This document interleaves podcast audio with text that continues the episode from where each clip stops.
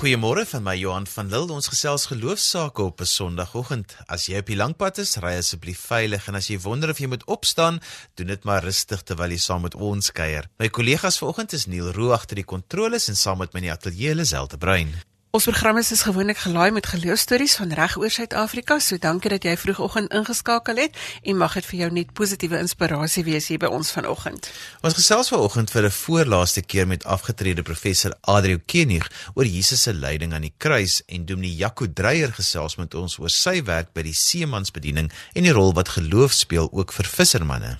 Vanus Leroux gesels met ons oor die passiespele wat op Hermanus aangebied word en laasens hoor ons van die personeel en kinders van die Adie van Wyk Primêre Skool wat 'n plaasskool is aan die buitewyke van Durbanville. Jy kan saamgesels by 45770 teen R1.50 per SMS en dankie vir almal wat alreeds vir ons goeiemôre gesê het daar. Sit maar jou naam by die SMS en onthou as jy die RSG se webblad vir ons 'n e-pos stuur, sit jou naam en e-posadres by want dit registreer nie outomaties nie. Vanoggend sê ons goeiemôre vir 'n hele paar name: Lida Swanepoel, Leni Carsons, Janet Burger, Willien Cora Botha en ook Hans en Susan Linde. Dankie dat julle ingeskakel is om vanoggend saam met ons te kuier. Jy kan na Sondagjoernaal se potgooi gaan luister. Jy sal dit kry op RSG se webwerf rsg.co.za. En jy kan ook natuurlik dit gaan aflaai om later weer te luister. Jy kan ook al ons programinligting daar kry.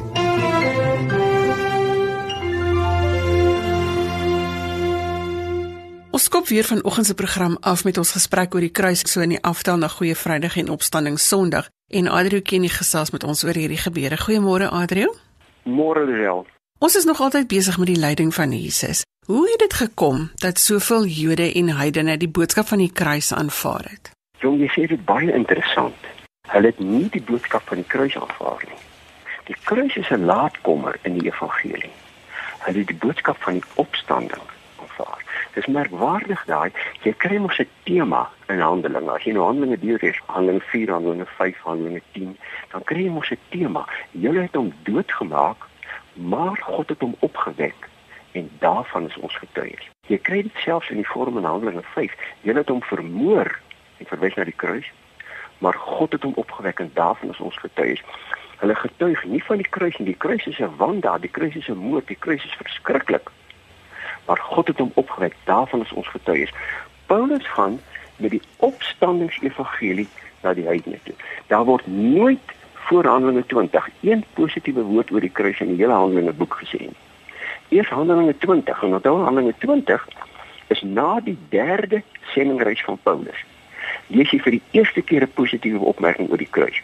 Ek ons het hom laasweek ook gehad waar Paulus vir die ouderlinge sê God het die gemeente deur sy eie bloed, die bloed van sy seun of deur sy eie bloed verkry. Dit verwys natuurlik duidelik na die kruis. Dis die eerste positiewe opmerking oor die kruis in die hele Handelinge. Paulus is dwars deur sy sendingreise met die opstandingsevangelie, nie met die kruisevangelie nie. Die kruisevangelie is 'n in sinne laatkomer, ons sal volgende week weer daarby kom.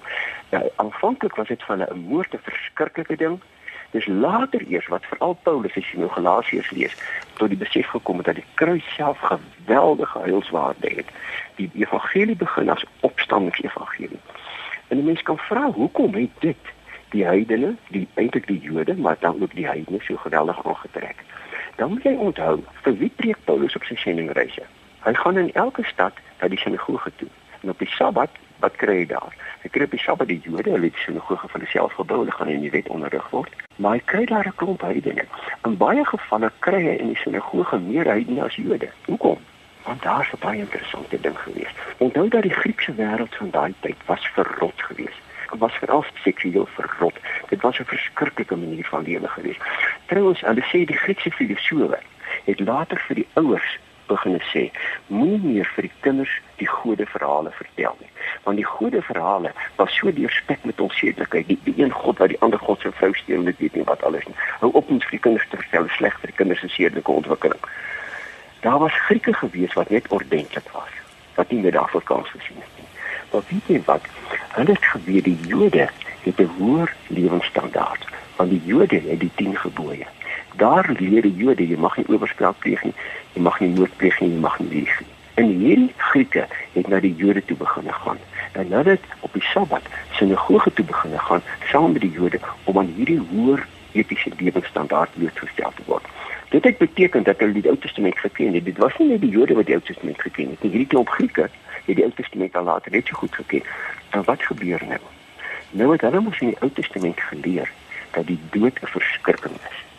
Kyk, die dood is nie so 'n lekker ding. Dit Sokrates, die Griekse filosoof, hulle het vreeslik maklik en lekker probeer maak. Toe Sokrates die gifbeker moes drink, toe sê hy ag ek doen dit graag, want nou gaan my siel uit sy tronk, uit die liggaam bevry word en my siel gaan heerlik rondsweef tussen die gode in in die ruimte. Die Ou Testament sê die dood is 'n verskrikking. As Hosea moet sterf, hoor hy gaan sterf. Daai jong koning wat 'n vroom koning was wat die Here gedien het, as hy hoor hy moet sterwe, dan skrik hy dan sê hy Here, ek kan nie sterf nie. Dan sê die Here, "Alright, ek gee vir jou 15 jaar by."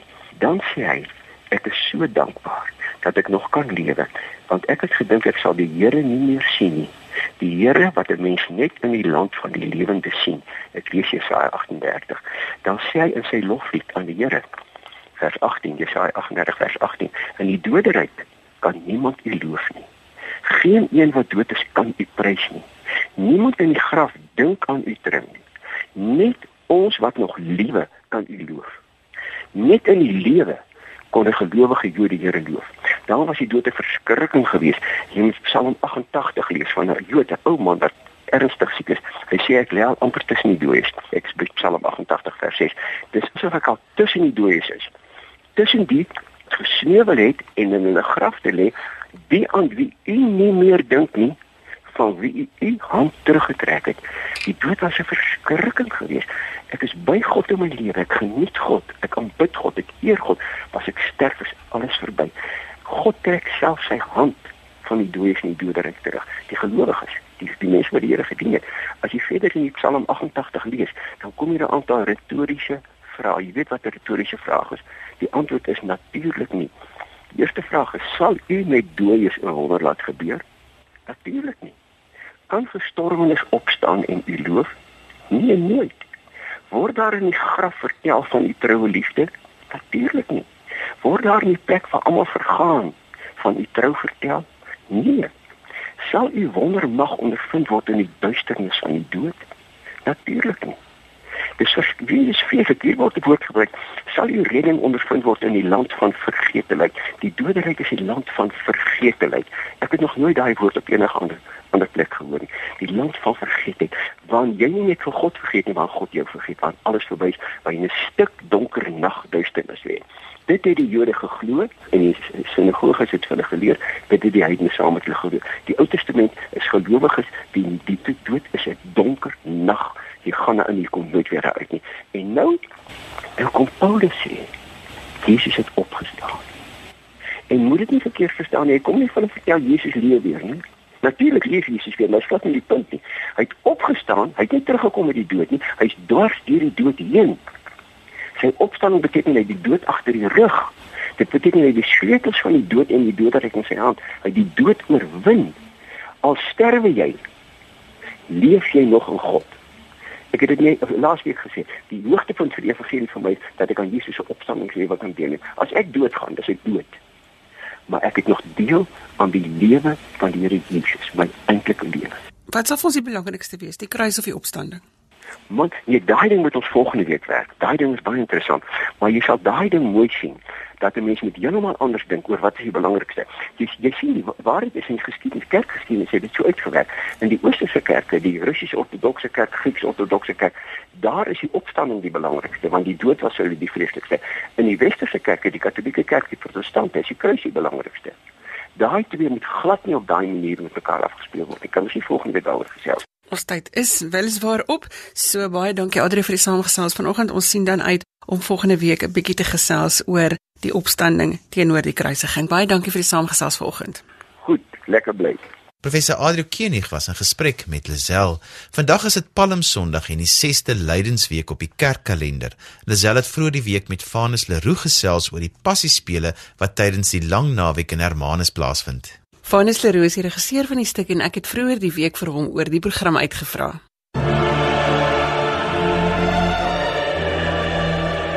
Begin sy op die half-sewe in die lofdansers. Dan gaan hulle so halfuur optree oor die hele gebied wat ons nou gebruik vir die passiespel gaan hulle nou dans. Die munisipaliteit sit my straatligte af. Ag nee, die speelvlak is so ons is 60 180 meter en ons begin teen die verste rots oor kan die baai waar die mense sit op die sleephelling en kyk hulle oor die water. Daar waar Maria begin. Verduidelik gou vir my 'n klein bietjie van die logistiek, het beligting en alles. Ja, alles is in die donker en elke toneel word verlig en die opstanding en die engele en die duif maak ons met die laser effekte. Dis nie net die Hermanus ouens wat deelneem nie. Kyk, ek is van Verleesdorp en dan is daar nog een uit Kamsbaai uit Flik uit Kamsbaai en nog een uit Brackenfell uit. Daar gebeur seker 'n klompie goed wat 'n mens as jy later op die stoep sit kan oorvertel. Ja, ja, ja. Kyk, uh, ek weet dit is mos die draai van die seisoen hier in Paasnaweek. Dis volmaan uh, Sondag en uh, dan is dit mos maar ook by reenseisoen begin, maar en dan het al gereën die dag. Ag, jy nou het op het reën. En die donkie wat nie wou loop nie. En ja, nee. Jy jaar toe. Wil ek glad nie loop nie. Toe kom jy sal net en uh die volgende jaar het vat wel 'n klompie wortels saam met toe. Dit vir die donkie se neus en hy lê die donkie oor die wortels. So nou weet jy hoe om die donkie te laat beweeg. Ja, dit is net as wonderlik, maar jy weet jy kry soveel aanvalle van die bose af, nee, met mens met oorkom. Ons dag wel gegee vir al die toeskouers. Dit alles verkeerd so. Alles, dis daai tyd wat die donkie die wil geloop het, die, die ligte het afgegaan, onverklaarbaar. Jy staan met die klank afgegaan, onverklaarbaar. Ja, so so kry mens die aanvalle nee. En ons dit oorwin elke keer. Hoekom het jy nie eers daaroor gedink nie? Laat my siel gedoem wees en my liggaam daarmee saam. En julle, julle, laat julle saam met my die verdoemenis ingaan. En hoe voel jy oor jou rol as Judas?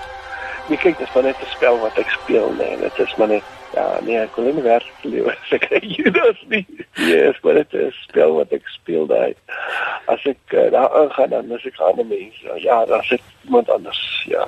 Hoeveel mense is julle? So ja, keer so tussen 80 en 100. Daar's ja jongste een 3 jaar gewees en en die oudste is nou so jaar 83 en hy speel nog. Hy sê solank hy daar kan afgaan by hawe, sal hy sy deel bydra. En hoeveel mense verwag julle daar? En jy sê ons moet stoele saambring en piknikmandjies.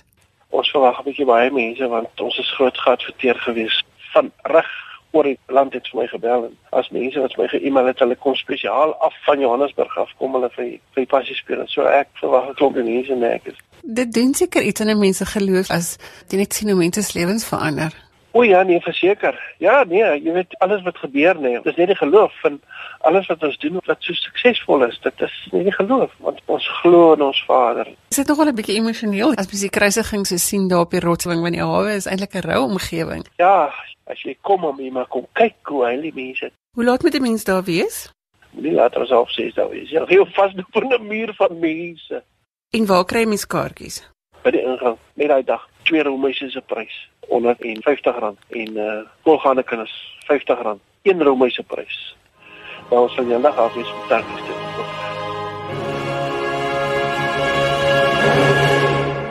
En so gesels Vanus Leroux. As jy sopas ingeskakel het, sê ons goeiemôre. Jy luister na Sondagjoernaal saam met Lisel en Johan en Niels ons produksieregisseur. Gemaak gerus 'n draai op RSG se webblad by rsg.co.za vir kontakinligting oor ons gaste vandag. Dominee Jaco Dreyer is van Bloemfontein, maar hy het van tevore met 'n seemansbediening gewerk en hy deel vanoggend sy wedervarings met ons. Goeiemôre Dominee Jaco. Goeiemôre Lisel.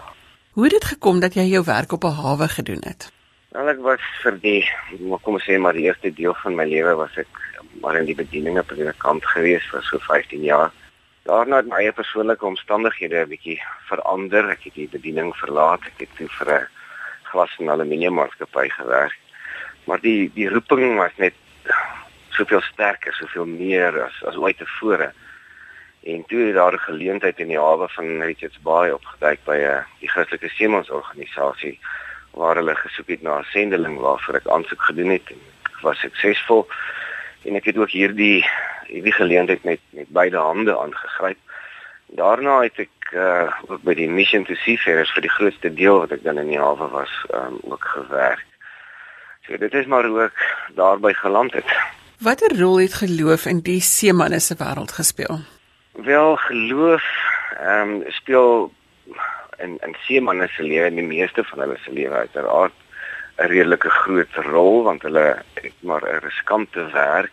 Is maar blootgestel aan 'n klomp dinge. En uiteraard ook ten opsigte van myself en die, die rol wat jy dan ook het om te speel is om om 'n bepaalde ondersteuning vir hierdie mense ook dan te kan gee vir hulle daar te kan wees. Hulle baie keer maar op 'n fisiese manier te kan bystaan, uiteraard ook op 'n geestelike manier, maar die twee goedjies loop maar hand aan hand.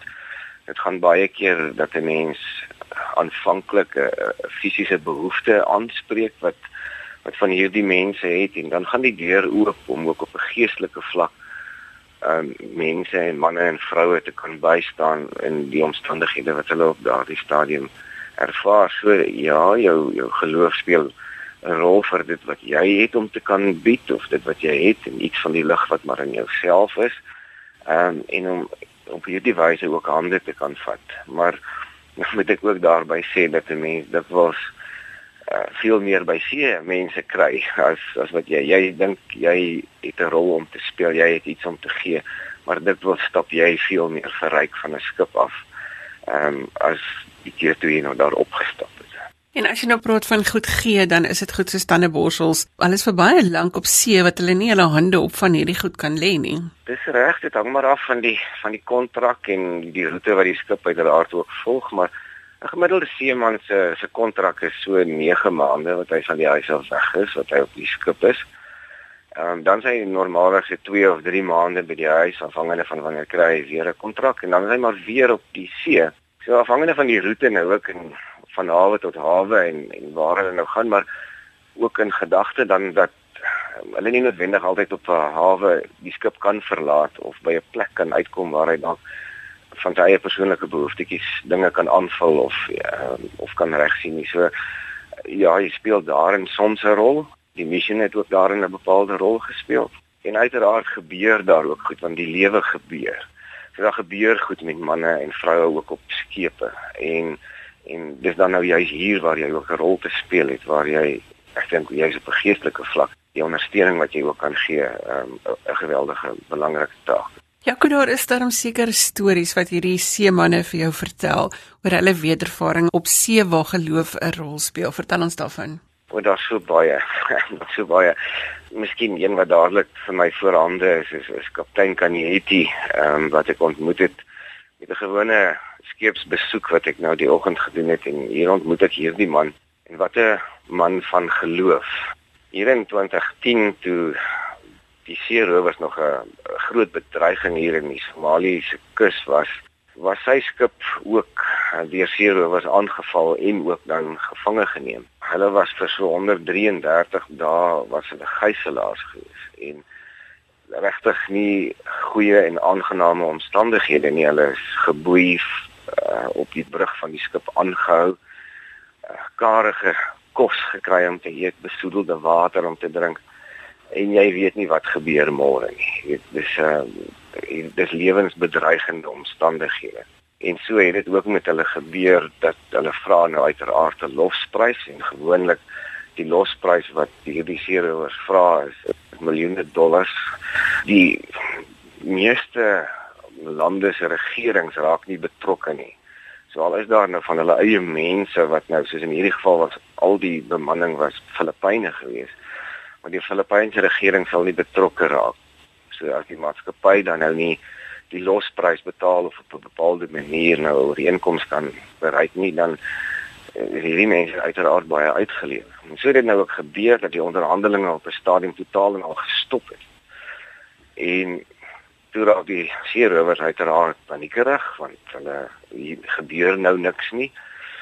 En toe sê hulle vir die kaptein maar goed, hulle moet nou daadwerklik iets begin doen want hulle moet nou die boodskap oordra hulle soek hierdie geld en as hulle dit nie kry nie gaan hulle nou iets doen. En wat hulle gaan doen is om een van die bemanning dan dood te maak. En die een wat hulle gaan doodmaak sal hy wees.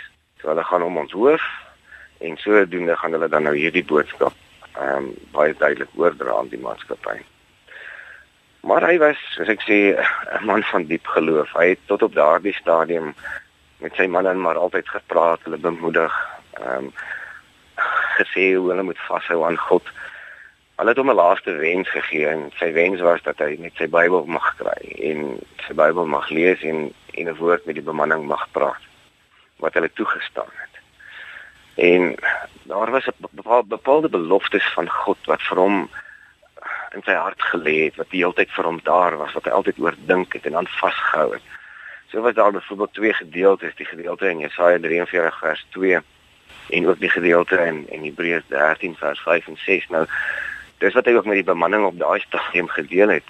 Die die gedeelte in Jesaja sê juis wanneer jy deur die waters gaan, sê die Here sal met jou wees en wanneer jy deur die rivier gaan, sal dit jou nie wegspoel nie. As jy deur die vuur gaan, sal dit jou nie brand nie.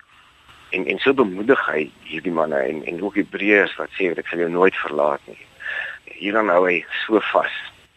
Op daardie stadium gee hy sy trouring vir die eerste offisier en sê as hy dit nou nie oorleef nie, moet hy dit asseblief vir sy vrou gee.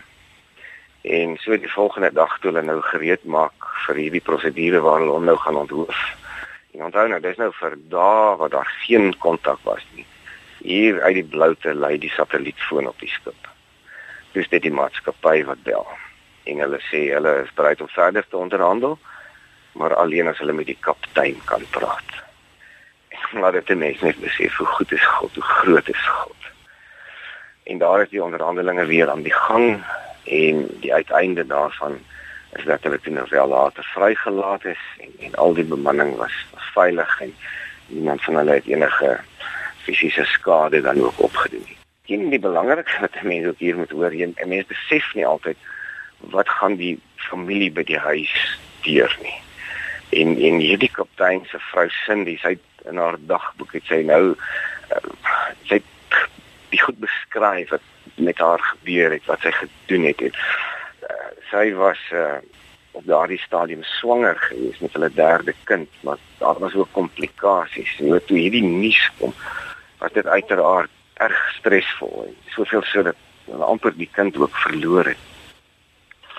Maar ook sy, so 'n vrou van geloof, so aan die Here vasgehou, sy in haar worsteling maar met God oor al hierdie gebeure nooit reg met met ek wil amper sê God kwaliek geneem nie, maar sy beskryf dit soos sy sê God was die enigste vriend met wie sy kon praat wat haar regtig kon help.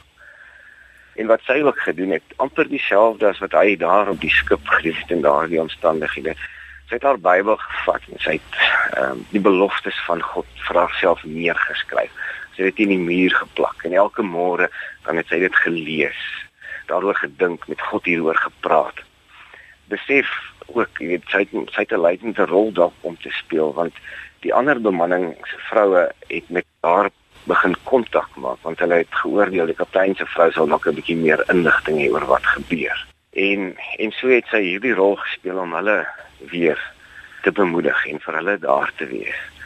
En en net so, jy weet, so het ook in haar dagboek geskryf, jy weet, van van hierdie beloftes van Here waaraan sy so vasgehou het. Jeremia 29 vers 11, as hy sê hierdie ding was vir haar die werklikheid wat die Here gesê het maar ek gee vir jou 'n toekoms. Daar's ek het 'n beplan vir jou voorspoed, nie teëspoed nie. En sy het so hieraan vasgeklou, hieraan vasgehou. En dan is dit wonderlik om te lees ook in haar dagboek, ehm um, wat ek onder oë gehad het, is dat sy toe hy uiteindelik by die huis gekom, die eerste ding wat hy gedoen het, hy by die huis gekom het. Het hy saam met sy familie gesê kom ons ons gaan nou eers dankie sê en hulle die Here geloof en gedank vir sy hand oor hulle en hoe hy hulle beskerm en bewaar het. Wat hulle ervaar het is hoe mense, kerke, ander gelowiges, jy weet vir hulle in hierdie tyd bygestaan, vir hulle gebid het in die rol van gebed, net verstomming. Hoe hulle as hulle terugkyk hierop net ervaar het toe die hand van God in hierdie buitengewone omstandighede.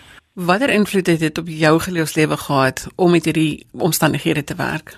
Wel ek dink ons verstaan nie altyd jy weet hoekom ons soms aan moeilike omstandighede blootgestel is. Ek dink dit gebeur in elke mens en in elke gelowige se se lewe. En soms is dit ook in ons lewens lewens eh, bedreigende omstandighede waarin 'n mens soms blootgestel word. En so dat ek dit ook in my eie lewetjie maar ervaar want jy verstaan nie altyd hoekom is ek nou hier nie. Jy weet en en, en soms as jy dan nou terugkyk daarop dan sien jy maar God gebruik moeilike omstandighede. En God gebruik moeilike omstandighede ook vir my wanneer ek daar is om dalk 'n rol te speel in iemand anders se lewe en om iemand anders se hand te sterk en daar te wees dalk vir iemand. Maar dat die mens ook leer om God te vertrou. Want hy bly in beheer Hier hierdie kaptein het juist ook gesê, weet ja, hy is nie meer in beheer gewees nie. Dis hierowers was, maar hy het geweet God bly in beheer. En dit geld vir my eie lewe en ek dink in elke gelowige se lewe. Dis die een ding waaraan ons vashou, dat God bly in beheer van ons lewe. Jakob baie dankie dat jy jou storie vanoggend met ons gedeel het. Dis 'n groot voorreg, baie dankie. Die stem daarvan Dominee Jaco Dreyer. Ons gesels geloofsaake tot so kort voor die 8uur nuus wanneer ons oorgie aan Nienke Geldenhuys vir die Bybelstorie. Om hier af te sluit, kuier hulle self by die Attie van Wyk Primêre Skool. Ek kuier vanoggend by mevrou Loretta Logner. Sy is die skoolhoof van die Attie van Wyk Plaasskool. Waar het die skool sy ontstaan? Uh weet jy, ek het nou met een van die onderwysers gesels wat nou al baie lankar hier is. En dit het sommer so begin eintlik met 'n dominee wat uitgevind het al hierdie plase hier rond se se kinders en se ouers moet iewers na 'n kerk toe gaan. En hulle toe hier begin, uh, het gegaan na een van hierdie plase by die en gaan vra wat die boere luister gee vir my 'n stuk grond want ek wil begin met 'n skool vir al my lede. So hierdie dominee was dominee Attie van Wyk. En in die op die 22ste Mei 1976 het hulle hierdie skooltjie ingewy. Ag dit was maar 'n klein skooltjie eerste. Hulle het net 3 klasse gehad. Graad 1 klas, graad 2 klas en dan het hulle gekombineerde klasse gehad 3 en 4 en 5 en 6.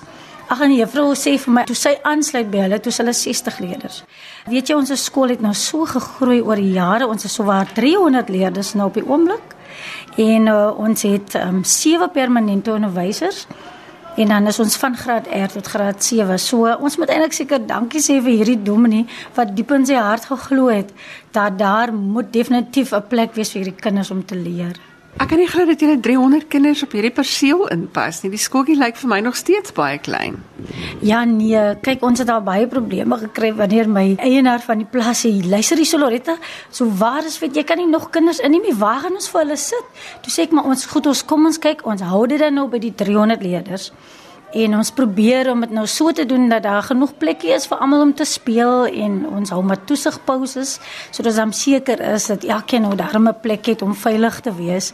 Maar ons is gelukkig hier en soos jy sien die omgewing waarin ons is is fantasties. Jy kan nie hier uh vir stres wees nie want jy kan net uitstap en jy's in hierdie pragtige omgewing. Jy praat van die mooi omgewing. Wat is die omstandighede van die kinders wat in die skool is? Weet jy, elke kindjie hier is vir ons baie belangrik en uh, toe ek die eerste keer na die skool toe kom, toe besef ek my hierdie is regtig 'n unieke skool.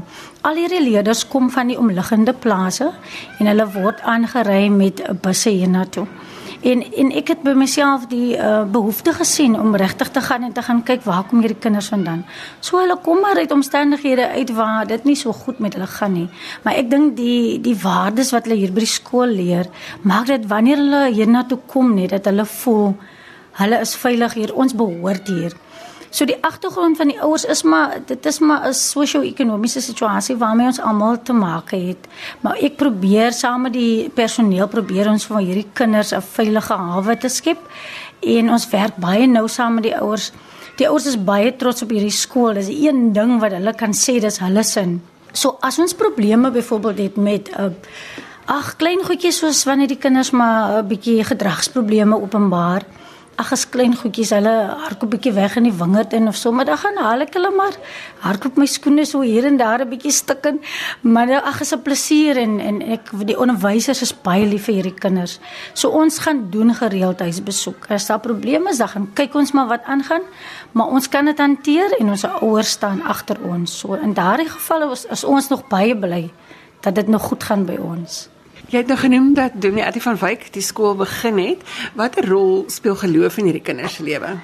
Weet jy, dit speel 'n baie groot rol. Ons probeer om regter die kinders uh, so op te voed dat hulle verstaan dat 'n mens kan nie sonder geloof.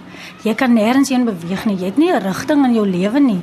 Jy moet seker wees dat wanneer jy glo in in in sekere waardes en beginsels en is deel van jou lewe en dit word deur die skool uh, uitgevoer net dit is deel van die skool se kultuur dat ons sekere waardes vas lê by hierdie kinders En dit maak dat wanneer daar probleme is, hulle besef, maar dit wat ons in ons binne sit, dra ons waardes, ons beginsels, dit waaraan ons glo, dat dit is die regte pad vorentoe. Dit is ons 'n uh, onderskeiding tussen reg en verkeerd. Wanneer ons byvoorbeeld uh, saam met ons maatjies pouse is, dit wat jou jou geloof met jou dryf sodat jy kan besluit watter tipe gedrag moet ek openbaar wanneer ek saam met my maats is, wanneer ek by die huis is.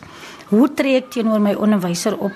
So ons probeer van ons kant af regtig om byvoorbeeld by ons byeenkomste in die klasse regtig waar geloof so te versterk in die kinders dat dit vir hulle beter mense maak.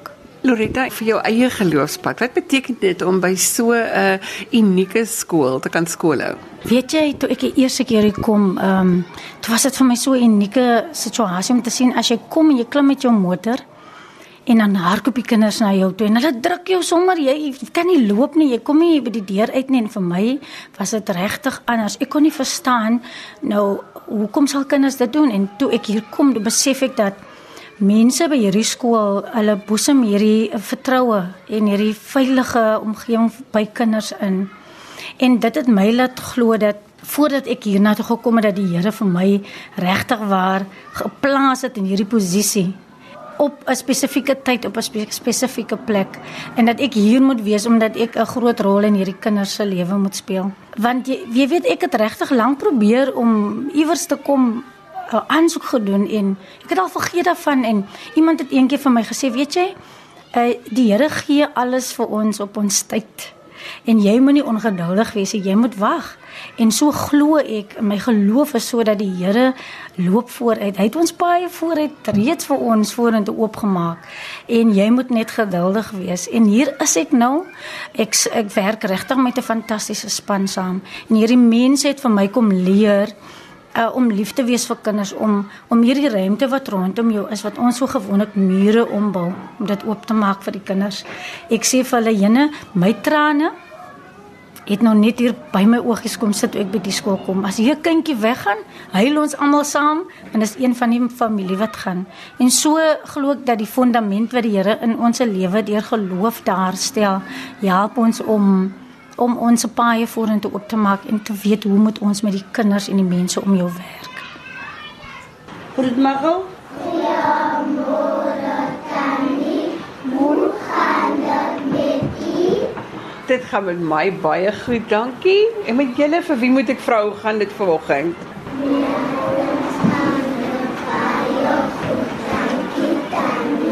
Julle gaan julle lekker skool hier? Ja, dankie. En watter graad is julle?